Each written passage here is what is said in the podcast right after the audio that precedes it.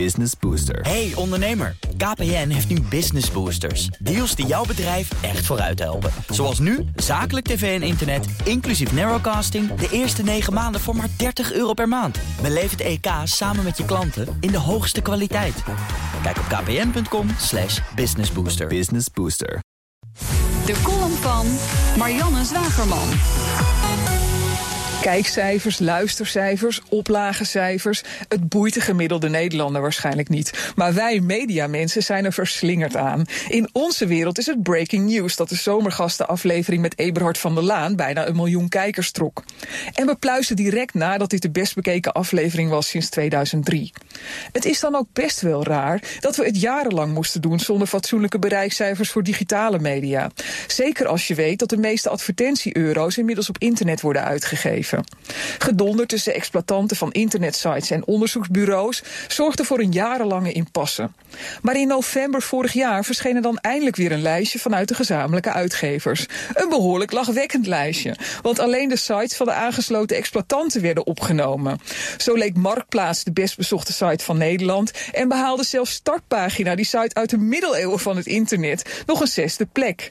Alsof Nederland een eiland is, afgesneden van de grote boze buitenwereld die Google en Facebook heet.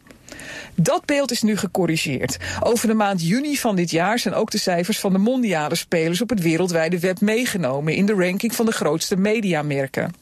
Het levert weer een discutabel lijstje op, vol appels en peren. WhatsApp staat op nummer 4, Gmail op 5, Facebook Messenger op 10 en zelfs Google Drive heeft de lijst gehaald. Alsof we vroeger ook poststukken, het aantal verkochte USB-sticks en telefoongesprekken meenamen in een bereikoverzicht van media. Maar hoe onzinnig de samenstelling dan ook, de nieuwe meting legt wel de dominantie van mobiel bloot. Alleen de nummer 1 op de lijst, de Google zoekmachine, wordt meer bezocht via een computer.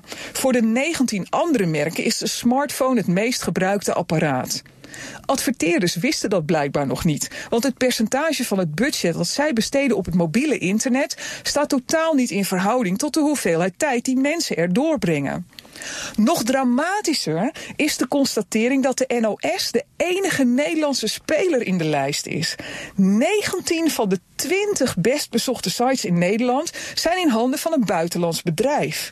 Alleen met belastinggeld is er blijkbaar nog iets te doen tegen de mediadominantie van buitenlanders op ons grondgebied.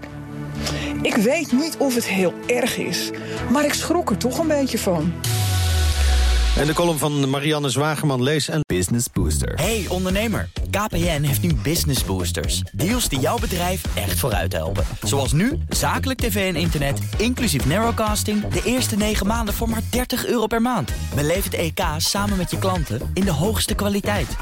Kijk op kpn.com slash businessbooster. Business Booster.